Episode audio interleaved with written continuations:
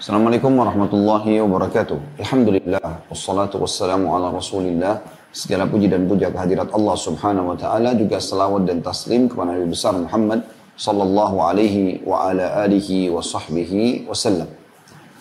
Ketemu lagi teman-teman sekalian di kajian kita membedah buku 70 kekeliruan wanita yang ditulis oleh Salman bin Abdul Qadir Abu Zaid. Dan kita sudah berada di bahasan-bahasan yang terakhir pada hari ini insya Allah kita akan menggabungkan dua uh, pelanggaran sekaligus karena bahasannya mirip, yaitu pelanggaran ke-68 dan pelanggaran ke-69. Kalau saya gabungkan, sebagaimana di flyer teman-teman sudah lihat, judulnya berkabung. Dan sebelumnya kita sudah membahas pelanggaran yang ke-67 masalah seorang wanita mengambil teman-teman yang buruk yang selalu menganjurkannya untuk meremehkan hak-hak Allah atas dirinya, melalaikan untuk menjaga harkat dan kemuliaannya, serta menjurumuskan dalam perkara yang tidak baik akibatnya. Dan ini sudah panjang lebar kita paparkan tentang pentingnya memilih teman sesuai dengan hadis Nabi alaihi salatu wassalam al-mar'u ala dini khalili falyandur ahad falyandur uh, man yukhalil atau kama Nabi SAW artinya Sesungguhnya seseorang sesuai dengan agama temannya, maka harusnya dia melihat siapa yang dijadikan sebagai teman. Dan ini teman-teman sekalian eh, penting sekali dalam kehidupan kita karena bisanya kita istiqomah di jalan Allah Subhanahu wa taala justru kalau kita punya komunitas yang baik. Bahkan tolok ukur seseorang dianggap baik kalau teman-temannya baik, lingkungannya baik. Itu juga dia akan dinilai buruk kalau lingkungannya buruk. Ini sudah panjang lebar kita jelaskan tentunya. Baik, saya akan bacakan insya Allah uh, kekeliruan yang ke-68 dan 69 yang berarti uh, insya Allah di Kamis akan datang itu bahasan terakhir kita. Pelanggaran yang ke-70 ya. Uh, jadi insya Allah tinggal satu kali lagi pertemuan kita sudah menyelesaikan kajian buku kita ini dan insya Allah nanti ke depannya kita akan membedah buku yang lainnya yang akan diinformasikan Anda bisa lihat di medsos insya Allah di flyer.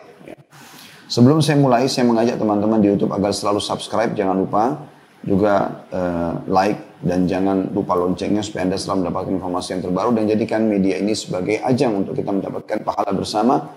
Dan juga teman-teman di Instagram dan Facebook selalu follow tentunya. Dan bagi teman-teman uh, di kajian uh, Sisesa yang belum uh, mengfollow medsos kami bisa ke @khalidbasalam dengan tujuan insya Allah diniatkan ikhlas untuk mendukung channel dakwah dan saya mengajak bukan hanya mendukung channel kami, tapi semua channel-channel dakwah yang baik. Saya berharap teman-teman selalu untuk mendukung, baik di Instagram, Facebook dengan follow dan juga di YouTube dengan subscribe dan juga like. Baik teman-teman, saya akan bacakan apa yang ditulis oleh beliau di pelanggaran ke-68 atau kiloan yang ke-68 melampaui batas masa berkabung atas kematian yang bukan suaminya lebih dari tiga hari. Ya. Nanti akan kita jelaskan insya Allah. Nabi SAW bersabda, tu'minu billahi wal yawmil akhiri an tuhidda ala mayyitin fawqa thalathi layalin illa zawj fa innaha tuhiddu alaihi arba'ata ashri wa ashra. Tidak halal bagi seorang wanita yang beriman kepada Allah dan hari akhir berkabung atas kematian seseorang lebih dari tiga hari. Kecuali terhadap kematian suami. Karena ia berkabung atas kematian suaminya selama 4 bulan 10 hari. Hadis ini diriwayatkan Bukhari dan Muslim. Sementara pelanggaran yang ke-69 atau kekeliruan yang 69 adalah tidak terikat dengan syarat-syarat perkabungan yang diperintahkan oleh syariat yang suci. Yaitu wanita tidak memakai perhiasan, inai atau pacar, celak, parfum, dan semisalnya. Serta tidak keluar dari rumahnya kecuali karena suatu keperluan yang mendesak. Tidak disyaratkan memakai pakaian hitam. Karena ini tidak ada tuntunannya. Dan ini perkara yang batil lagi tercela. Jadi ini bahasan kita teman-teman sekalian. Saya akan coba berikan gambaran umum dulu dari dua poin ini di pelanggaran keluar yang ke-68 kalau teman-teman lihat bukunya melampaui batas masa berkabung atas kematian yang bukan suaminya lebih dari tiga hari. Jadi berkabung ini atau bahasa dalam hadis adalah tuhidda. atau al-hidad adalah berhias ya karena ada orang terlalu berlebihan dalam kesedihan sampai akhirnya dia terlihat sangat lusuh ya karena kematian seseorang dan ini hukumnya diatur dalam syariat. Tidak boleh sembarangan ya. Kalau selain suami maksimal tiga hari. Dan ada takziah tiga hari nggak boleh berlebihan dalam masalah berkabung ya. ini secara khusus masalah wanita ya. Karena wanita ya, apalagi yang eh, apa namanya belum memiliki suami maka dia eh, biasanya bersedih karena meninggal ayahnya meninggal kakaknya meninggal eh, siapa saja kerabat yang dicintai atau anaknya sehingga dia berkabung dia tidak sama sekali eh, menjaga kebersihannya segala macam kerapiannya gitu. eh, kalau dia sudah bersuami tetap dia wajib untuk melayani suaminya ya. di sini dia maksimal tiga hari, nggak boleh lebih uh, berlebihan dalam terenyuh dalam kesedihan. Karena memang kematian teman-teman sekalian adalah sebuah pintu di mana kita semua akan masuk ke dalamnya. Tidak ada siapa pun yang antara kita bisa luput dari kematian. Oleh karena itu orang beriman menyambut kematian dengan gembira. Karena memang kematian sebuah pintu untuk menuju kepada kehidupan yang sebenarnya. Yang khalidina fiha. Kekal selama ini dalamnya. Yang penting Allah mengingatkan pesan penting untuk kita. Wala tamutunna illa wa antum muslimun. Janganlah kalian meninggal dunia kecuali dalam keadaan Islam. Itu penting. Kalau kita meninggal dalam keadaan Islam, aman semuanya. Dan juga dalam keadaan Islam, dalam arti dalam keadaan ajaran Islam yang benar ya. Imam Ahmad membahasakan dengan mengatakan siapa pun yang meninggal di atas sunnah, mengikuti sunnah Nabi SAW, maka dia bisa meninggal dengan bagaimanapun. Ya. Dalam arti kata tidak perlu ada yang dia khawatirkan karena dia meninggal dalam kondisi mengikuti kiai dan guru kita semua utusan Allah Subhanahu wa taala baginda Rasulullah sallallahu alaihi wasallam. Namun kalau suaminya meninggal maka di sini dia tidak boleh uh, uh, apa namanya kurang berkabungnya dari 4 bulan 10 hari. Artinya tidak boleh memang dandan dia selama 4 bulan 10 hari untuk membuka diri agar menikah lagi dengan laki-laki lain. Selama 4 bulan 10 hari dia harus tetap tinggal di rumahnya ada beberapa poin penting yang memang darurat sekali memang dia harus penting itu mungkin berbeda. Tapi kalau tidak maka tidak dibolehkan sama sekali.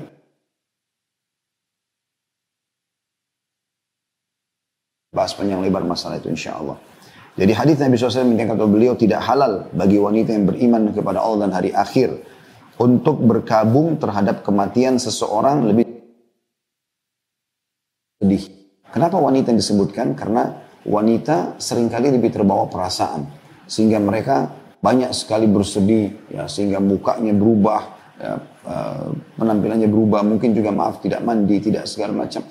Ini berlebihan dalam masalah itu. Padahal sebenarnya dia harusnya ya, tidak boleh bersedih berlebihan karena dia sekarang saatnya mengambil pelajaran dari kematian kerabat atau orang yang dicintainya itu ya untuk dia memperbanyak amal saleh mumpung dia masih punya kesempatan beramal Pernah ada di zaman Nabi SAW, ada dua orang meninggal, selisihnya cuma satu pekan. Yang satu meninggal mati syahid, pekan depan meninggal yang satu tidak mati syahid. Kemudian setelah mensolati kedua jenazah ini, terutama jenazah yang kedua, Nabi SAW tanya kepada para sahabat, bagaimana menurut kalian tentang orang ini? Maka sahabat semua fahamnya, orang yang pekan lalu meninggal mati syahid tentu lebih tinggi derajatnya. Maka mereka mengatakan semoga ya Rasulullah Allah merahmati dan mengampuni dia dan juga membuat dia menyusul temannya. Maksudnya akan karena punya persahabatan dengan yang syahid supaya sama-sama di surga. Kata Nabi SAW demi zat yang jiwaku dalam genggamannya maksud demi, demi zat yang jiwa Muhammad dalam genggamannya sesungguhnya yang ini derajatnya lebih tinggi antara langit dan bumi dibandingkan yang sana. Karena sempat beribadah selama satu pekan. Jadi kalau Allah memberikan kesempatan kita, misal umur kita 45 tahun, ada orang yang lain umurnya 45 tahun. Dia meninggal. Kita pun masih hidup. Walaupun cuma selisih seminggu saja, itu sudah sebuah karunia yang luar biasa. Karena kita punya kesempatan beramal seminggu yang dia tidak punya kesempatan untuk itu. Ini kemuliaan. Oleh karena itu pada saat ada orang meninggal, justru kita mengambil ibrah dan pelajaran supaya kita memperbanyak amal, bukan berlarut-larut dalam kesedihan. Ya. Kecuali kata Nabi SAW terhadap meninggalnya suami. Ya, karena suami punya hak khusus di sini. Karena kapan dia berdandan misalnya, maka kemungkinan besar ada akan ada orang yang menarik ter, tertarik untuk menikah dengan dia setelah meninggalnya suaminya gitu kan. Oleh karena itu syariat datang membatasi harus 4 bulan 10 hari setelah itu dia boleh ya kembali ya eh, berdandan dalam arti kata dandan di sini tanda, tanda kutip ya. Yang artinya dia sudah boleh beraktivitas di luar rumah segala macam yang kemungkinan akan ada orang yang tertarik untuk menikah dengan dia. Ya. Ini yang dimaksud dengan ke 68 nanti kan kita panjang lebar masih jelas. Ini masih pembukaannya secara umum saya jelaskan dulu. Kemudian di 69 tidak terikat dengan syarat-syarat perkabungan yang diperintahkan oleh syariat yang suci yaitu wanita memakai perhiasan ya. Celak, parfum dan semisalnya saat serta jadi di sini dia syarat-syarat syariat adalah pada saat dia berkabung dia nggak boleh pakai semuanya. Ya. Tidak boleh pakai celak, tidak boleh pakai parfum. Ya. Walaupun yang di rumah dia sambut apa namanya? Dia sambut tamu-tamu perempuannya. Ya, terutama pada saat suaminya meninggal. Serta tidak keluar dari rumahnya kecuali karena suatu keperluan yang mendesak. Jadi nggak boleh sembarangan. Saya menemukan beberapa kasus kita di Indonesia. Suaminya baru meninggal kemarin, hari ini sudah beraktivitas sana sini. Gitu. Ini semua tidak boleh dalam syariat. Dia harus tahu masalah itu. Ini hukum syariat, syaratnya begitu. Tidak disyaratkan memakai pakaian hitam. Nah ini sering kali terjadi saya lihat. Bahkan diceritakan, digambarkan dalam sinetron-sinetron, film-film di Indonesia. Seakan-akan memang kalau meninggal itu harus pakai abaya warna hitam. Nggak ada syariat dalam masalah itu. Ya, yang penting menutup aurat. Jadi seakan-akan baju hitam itu adalah baju kesedihan. Padahal ini terkenal dipakai oleh para sahabat Nabi di hari-hari biasa mereka. Ya, sampai Aisyah radhiyallahu anhu menggambarkan bagaimana wanita Ansar seperti burung-burung gagak ya, yang berwarna hitam karena dari kepala mereka terulur kain juga pakaian mereka berwarna hitam dan bukan pada saat kesedihan. Ya. Kata beliau karena itu semua ya, tidak ada tuntunannya karena itu tidak ada tuntunannya tadi menggunakan baju hitam itu ya. Dan ini perkara yang batil lagi tercela. Baik teman-teman kita akan coba lebih dalam membahas masalah berkabung ini. Kita akan mulai teman-teman sekalian dengan makna al-hadat atau berkabung itu sendiri. Yaitu tidak memakai perhiasan baik berupa pakaian yang menarik, minyak wangi atau lainnya yang dapat menarik orang lain untuk menikahinya. Jadi kalau uh, selain suami maksimal tiga hari, setelahnya boleh dia beraktivitas seperti biasa. Dan kalau dari hari pertama pun dia tidak berkabung pada saat meninggal misalnya ayahnya, anaknya, saudaranya, ibunya, maka tidak ada masalah. Gitu kan? Tapi kalau dia memang mau berkabung dalam arti kata dia tidak mau berhias, dia tidak mau uh, bertemu orang maksimal tiga hari. Kecuali melayani suami. Ini tidak ada khilaf di antara ulama tentang wajibnya mereka untuk uh, melayani suaminya. Ini pendapat wajibkannya jumhur ulama. Ada pendapat tentang Hasan Basri Allah yang tidak mewajibkan masalah tapi ini ya, dianggap uh, oleh para ulama syad karena memang uh, umumnya jumhur menyetujui masalah tentang wajibnya masalah itu. Nah kecuali kalau suaminya meninggal, baru dia diwajibkan selama 4 bulan 10 hari. Ya, 4 bulan 10 hari. Jadi dia menghitung 4 bulan 10 hari itu dari hari wafat suaminya. Ada pendapat lain yang mengatakan bahwasanya al-hadat adalah sikap wanita yang tidak mengenakan segala sesuatu wangi, celak mata dan pakaian yang menarik dan tidak keluar rumah tanpa keperluan mendesak setelah kematian suaminya. Jadi itu yang dimaksud dengan terjemahan Indonesia adalah berkabung. Berkabung. Baik. Al-hadat sendiri atau berkabung ini dibagi dua dalam syariat kita. Yang pertama adalah berkabung atas kematian suami selama 4 bulan 10 hari dan yang kedua berkabung karena kematian salah satu anggota kerabat. Dan ini tidak boleh lebih dari tiga hari. Sebagaimana tadi hadis yang sudah kita jelaskan. Ya Yang sudah kita bacakan hadisnya. Dan itu hadis sahih diriwayatkan oleh Imam Muslim. Di dalam riwayat Bukhari, atau riwayat Imam Muslim disebutkan, La yahillu limra'atin tu'minu billahi wal yawmil akhir an tuhidda ala maytin fawqa thalathin illa ala zawjiha. Tidak boleh seorang wanita yang beriman kepada Allah dan hari akhir untuk berkabung atas kematian melebihi tiga hari. Kecuali atas kematian suaminya. Itu riwayat muslim. Riwayat Bukhari ada tambahannya fa'innaha tuhiddu alaihi arba'ata asyur wa. Karena dia berkabung atau wajib berkabung atas Kematian suaminya selama 4 bulan 10 hari. Harus dihitung itu ya. Dihitung tepat. Allah subhanahu wa ta'ala menyuruh kita menghitung. Seperti masa iddah wanita kalau uh, meninggal, uh, kalau diceraikan oleh suaminya. Ya, Allah menyuruh menghitung masa iddah itu. Ahsul iddah kata Allah. Hitung iddah itu. Tepat. Makanya waktu Nabi SAW pun bersumpah tidak akan mendatangi istri-istrinya karena mereka menuntut pada itu menaikkan nafkah. Lalu Allah menyuruh eh, mereka memilih apakah memilih untuk cerai dengan Nabi SAW dan eh, mereka diberikan apa yang mereka butuhkan dari dunia atau mereka tinggal dengan Nabi SAW tapi mengikuti keputusan Allah dan Rasulnya. Ya. Maka pada saat itu Nabi SAW bersumpah sebulan tidak akan datang. Lalu beliau pun datang ke rumah pertama adalah Aisyah setelah 29 hari. Maka Aisyah mengatakan, Ya Rasulullah, Aisyah menghitung, Ya Rasulullah, Anda telah bersumpah atas sama Allah tidak datang kepada kami selama sebulan dan ini baru 29 hari, kata Nabi SAW. Bukankah bulan itu mayoritasnya 29 hari? Jadi tergantung ya, makanya Anda menentukan misalnya, uh, tentu yang paling tepat adalah bulan Hijriyah, itu yang paling tepat. Ya, paling tepat. Saya pribadi belum menemukan pendapat yang pribadi ini tentang hitungan bulan Masehi. Yang saya tahu adalah bulan Hijriyah. Jadi anda harus tahu juga bulan Hijriah itu bulan keberapa. Perlu tanggal-tanggal kita di rumah itu ada tanggal Hijriah, ada tanggal Hijriahnya. Jadi kalau meninggal misalnya suami di Rabiul Awal, ya, di bulan ketiga, ya, maka eh, kita mulai hitung tanggal berapa Rabiul Awal. Anggaplah misal Rabiul Awal sampai 29 Rabiul Awal. Meninggalnya suami di tanggal 19 misalnya. Berarti masih ada 10 hari di bulan Rabiul Awal. Tinggal ditambah 4 bulan setelah itu. Berarti full bulan Jumadil eh, Rabiul Thani, Jumadil Ula, Jumadil Thani, Rajab.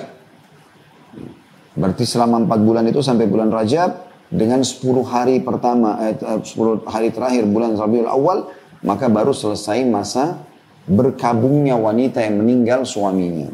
Jadi ini penting untuk digarisbawahi tentunya. Allah subhanahu wa ta'ala berfirman tentang masalah hukum ini.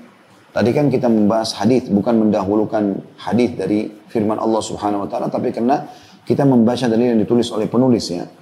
Allah telah menjelaskan masalah ini dalam surah Al-Baqarah ayat 234. Anda bisa buka tentunya surah Al-Baqarah ayat 234 yang bunyinya a'udzubillahi minasyaitonir rajim walladzina yutawaffawna minkum wa yadharuna azwajan yatarabbasna bi anfusihinna arba'at ashrin wa ashra فإذا بلغن أجلهن فلا جناح عليكم فيما فعلن في أنفسهن بالمعروف والله بما تعملون خبير yang artinya orang-orang yang meninggal dunia di antara kamu dengan meninggalkan istri-istri dalam kurung hendaklah para istri itu menanggung menangguhkan dirinya atau beriddah empat bulan sepuluh hari. Jadi harus dihitung itu ya karena Allah sebutkan empat bulan sepuluh hari. Harus tepat. Kalau anda anda melanggar di sini. Ya.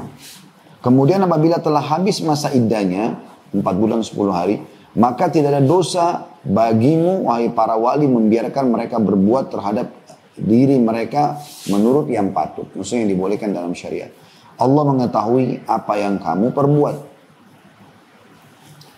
Juga dari hadis Zainab bintu Abu Salama radhiyallahu anhum ajmain beliau berkata Sami'tu umma Salamah taqul aku mendengarkan Ummu Salamah ibunya berkata radhiyallahu anhunna ajmain Ja'at imra'atun ja'at ja'at ja'at imra'atun ila Rasulillah sallallahu alaihi wasallam telah datang seorang wanita kepada Rasulullah SAW. Faqalat ya Rasulullah. Lalu wanita itu berkata, wahai utusan Allah. Inna berarti توفي عنها زوجها وقد اشتقت عينيها عينها أفتحلها أفتقحلها ini afatakhuluha artinya wahai Rasulullah sesungguhnya putriku meninggal suaminya dan ia mengeluh sakit matanya Nah biasanya orang zaman dulu tuh kalau sakit mata berobat dengan pakai celak, terutama celak ismid. Ya. Jadi tulisannya itu Hamzah, Tha, Mindal, Ismid. Ini, ini jangan lupa dan Anda usahakan dapatkan celak ini ya. Laki-laki dan perempuan dianjurkan pakai. Kata Nabi SAW, Ismid itu menguatkan pandangan mata dan melebatkan atau menumbuhkan bulu mata. Yaitu ada hadisnya, Anda bisa ketik tinggal cari di Google tentang uh, hadis tentang celak ismit. Dan ini celak satu-satunya yang sangat uh, dianjurkan oleh Nabi SAW, bahkan beliau sendiri pernah meng meng meng menggunakannya ya.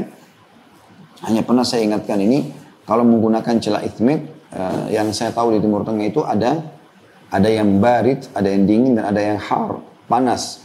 Biasanya mereka gunakan yang dingin itu di musim panas, ya, dan mereka gunakan yang panas di musim dingin. Ya. Jadi kalau beli hati-hati juga ya. Ini sering saya ingatkan jemaah kalau lagi umroh bersama kami atau haji, kalau mau beli ithmet, ya, beli yang seperti ini ya. Artinya yang, ding, yang dingin, lebih baik di Indonesia ini yang kita beli yang dingin ya, lebih tepatnya. Karena e, cuaca bisa kita katakan standar lah sepanjang tahun. Tapi di negara-negara seperti Timur Tengah yang ada padang pasir, biasanya kalau panas-panas sekali, mereka butuh ithmet yang dingin, dan di musim dingin kadang-kadang dingin sekali. Waktu kami masih di Madinah itu bisa sampai 5 derajat bahkan di bawah dari itu ya. Kalau puncak-puncaknya musim dingin. Nah itu menggunakan ithmet yang panas ya. nah biasanya digunakan untuk pengobatan memang karena Nabi SAW ingatkan masalah itu. Wanita ini datang dan mengatakan ya Rasulullah anak perempuan saya meninggal suaminya dan dia lagi sakit mata. Boleh nggak saya mengenakan celak matanya untuk berobat maksudnya? Nah, makanya dia mengatakan afatakhuluha Faqala Rasulullah SAW, maka Nabi SAW mengatakan, La marrataini au thalathan. Nabi SAW mengatakan tidak dua kali sampai tiga kali. Kulla dhalika la. Semua itu beliau mengatakan tidak boleh. Thumma qala Rasulullah SAW, kemudian Rasulullah SAW bersabda, Innama hiya arba'atu ashrin wa ashra. Dia harusnya berkabung selama empat bulan sepuluh hari terlebih dahulu waqad kanat ihdakunna fil jahiliyah tarmil bil ba'rati ala ra'sil haul ya. Sementara itu adalah hukum Islam. Dan di masa jahiliyah dulu seseorang yang terkali membuang kotoran binatang pada akhir tahun. Dalam arti kata pada saat mereka sedang berkabung ya. Jadi saksi bahasan kita adalah bagaimana Nabi SAW memerintahkan agar empat bulan sepuluh hari. Ibnu Qudama rahimahullah, salah satu ulama yang masyhur yang wafat tahun 620 Hijriah dan beliau salah satu ulama yang masyhur di madhab Hanabila mengatakan kami tidak mengetahui perbedaan pendapat di antara para ulama tentang kewajiban al-hadat atau berkabung atas wanita yang suaminya meninggal kecuali dari Al-Hasan Basri. Beliau menyatakan tidak wajib namun pendapat ini adalah pendapat yang syai atau yang ya, bertolak belakang, bisa kita bahasakan begitu ya. Pendapat para ulama, jadi dia bertolak belakang dengan pendapat para ulama dan menyelisih sunnah sehingga terdapat atau pendapat tersebut tidak disignifikan atau tidak dianjurkan ya. Ibnu Qayyim juga rahimahullah yang meninggal tahun 751 Hijriah berkata, umat telah berijma sepakat tentang kewajiban ahdat atau al-hadat tadi ya bagi wanita yang ditinggal mati suaminya kecuali yang diriwayatkan oleh Al Hasan dan Al Hakam bin Utaibah. Ini mereka mengatakan sunnah, ya. Tapi sekali lagi jumhur ulama mengatakan hukumnya wajib. Hukum berkabung atas salah satu ini untuk suami. Kalau berkabung untuk salah satu kerabat, maka tiga hari saja. Berkabung untuk selain suami, terhadap kerabat seperti ayah, anak, ibu dan segala macam diperbolehkan tapi maksimal tiga hari dan tidak boleh lebih. Kapan lebih berarti dia melanggar syariat. Namun walaupun dibolehkan dia berkabung, tetap lebih baik dia tidak usah berkabung dalam arti kata kalau selain suaminya. Kapan aja dia biasa gitu ya. Dan pada saat meninggal selain suaminya, suaminya membutuhkan dia tetap dia harus melayani. Ya. Dia melayaninya. Tetap dia berdandan untuk suaminya, tetap dia melayani, tidak boleh dia menolak semua itu. Jadi beda hukum antara berkabung karena ada kerabat yang meninggal selain suami atau eh, atau dengan suami. Ya. Suami hukum tersendiri. Ibnu Hajar rahimahullah berkata, ini wafat tahun 852 Hijriah, menegaskan syariat memperbolehkan seorang wanita untuk berkabung atas kematian selain suaminya selama tiga hari. Karena kesedihan yang mendalam dan penderitaan yang mendera karena kematian orang tersebut. Hal ini tidak wajib menurut kesepakatan para ulama. Jadi boleh saja dia tidak berkabung kalau selain suaminya. Ini lebih baik tentunya. Namun seandainya suaminya mengajaknya berhubungan intim atau jima, maka ia tidak boleh menolaknya. Artinya tetap dia harus, kan kalau mau berjima kan harus bersih-bersih, mandi, wangi-wangi, dan segala macam itu kan. Ibnu Hazm juga berkata meninggal tahun 456 Hijriah, Seandainya seorang wanita berkabung selama tiga hari atas kematian bapak, saudara, anak, ibu, atau kerabat lainnya, maka itu hukumnya mubah. Artinya masih dibolehkan. Tapi ingat, ada suami, ya kalau dia masih bersuami, yang harus dia layani. Ini artinya lebih baik dia tidak berkabung di situ kalau selain suaminya ya. Tetap dia biasa. Dan kita bicara sini teman-teman perhatikan baik-baik lingkupnya memakai minyak wangi, memakai celak di rumah. Dalam arti kata bukan untuk kita bicara di luar sana. Gitu kan? Karena kalau kita bicara lagi menggunakan minyak wangi keluar rumah yang akhirnya masuk dalam larangan hadis yang lain tentang tidak bolehnya wanita menggunakan wangi-wangian di luar rumah walaupun bukan masa berkabung ya. Karena pernah e, Nabi SAW bersabda wanita yang menggunakan minyak wangi dan tercium sehingga ia bisa menggoda lawan jenisnya ya maka dia adalah dianggap seperti pezina. Itu hukum tersendiri. Jadi kalau kita bicara masalah berdandan sini, berdandan di tempatnya. Seperti misalnya tadi ada ibu, ada ayah, ada anak, ada saudara atau saudari dari seorang wanita meninggal dunia, dia bersedih. Tapi kalau dia punya suami, tetap dia berdandan. Kalau suaminya membutuhkannya. Kalau suaminya meninggal, dia tidak boleh berdandan seperti kalau ada suaminya di rumah. Ya, Jangan bahas lagi di sini lingkupnya adalah di luar sana ya, segala macam. Kita sedang berbicara masalah dandanan di rumah. Jadi kalau misalnya ada wanita meninggal suaminya, sudah 4 bulan 10 hari. Kemudian sekarang udah lewat masa berkabung itu, yang diperintahkan dalam syariat, dia boleh pada saat laki-laki mau melamarnya, ya dia berapi-rapi, tidak lagi kusam wajahnya gitu kan. Hmm, ini dibolehkan pada saat sehingga laki-laki itu mau tertarik untuk menikahi dia. Nah ini juga ini pun di tempat yang sudah kita bahas tadi, misalnya di rumahnya. Ibnu Qayyim juga berkata rahimahullah yang meninggal tahun 751 yang sudah kita sebutkan tahun meninggalnya menyatakan berkabung atas kematian suami hukumnya wajib dan atas kematian selainnya boleh saja. Ada beberapa syarat teman-teman diwajibkannya al-hadat atau berkabung ini. Yang pertama wanita tersebut berakal dan balik. Ini ulama susunkan tentang syaratnya. Jadi yang berkabung itu adalah wanita yang berakal dan balik. Para ulama telah sepakat bahwa wanita yang balik dan berakal diwajibkan melewati masa al-hadat. Ya. Namun mereka masih berselisih pendapat tentang wanita yang belum memasuki masa balik atau gila. Nanti kan berakal. Kalau orang gila bagaimana? Ya. Pendapat yang rajih yang paling kuat adalah pendapat mayoritas ulama yang mewajibkan. Jadi walaupun misalnya wanita itu gila tapi bersuami, meninggal suaminya, apakah tetap dia wajib berkabung? 4 bulan 10 hari, maka pendapat yang paling kuat raja mengatakan iya. Kemudian juga yang balik atau yang masih belum memasuki masa balik. Misal ada seorang wanita dinikahkan oleh ayahnya belum balik. Saka pernikahan sah. Nabi SAW menikah dengan Aisyah sebelum balik gitu kan. Kemudian meninggal suaminya sebelum dia balik, apakah dia tetap wajib kena berkabung 4 bulan 10 hari? Pendapat yang paling kuat, iya. Nah, ini poin penting ya. Jadi syaratnya adalah kalau umumnya ulama mengatakan balik dan berakal. Namun kalau kita lihat pendapat yang kuat, perselisihan pendapat ulama. Kalau itu disepakati tadi, balik dan berakal. Namun bagaimana tentang masalah kalau gila dan belum balik? Nah ini khilaf antara ulama. Tapi dari khilaf yang panjang itu, pendapat yang paling rajih adalah tetap saja mereka berkabung.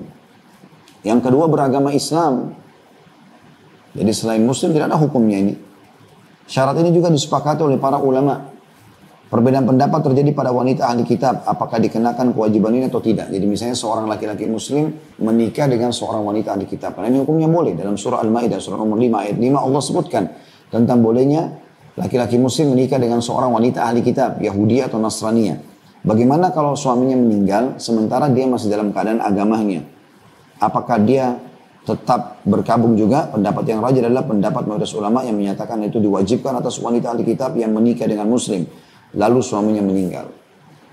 Khilaf di antara ulama masalah itu. Apakah ahli, kalau kalau muslimah, udah dari, dari khilaf. Udah pasti dia harus berkabung 4 bulan 10 hari kalau suaminya meninggal. Yang khilaf adalah di wanita ahli kitab, Yahudi atau Nasrani. Di sini khilaf, tapi pendapat yang rajah lagi, sekali lagi setelah disimpulkan semuanya oleh para ulama, ternyata mereka punya kewajiban berkabung karena berstatus istri sua, dari suami muslim. Jadi berlaku agama suaminya gitu ya. ya. Tentu selain wanita ahli kitab tidak boleh kita nikah ya, seperti itu.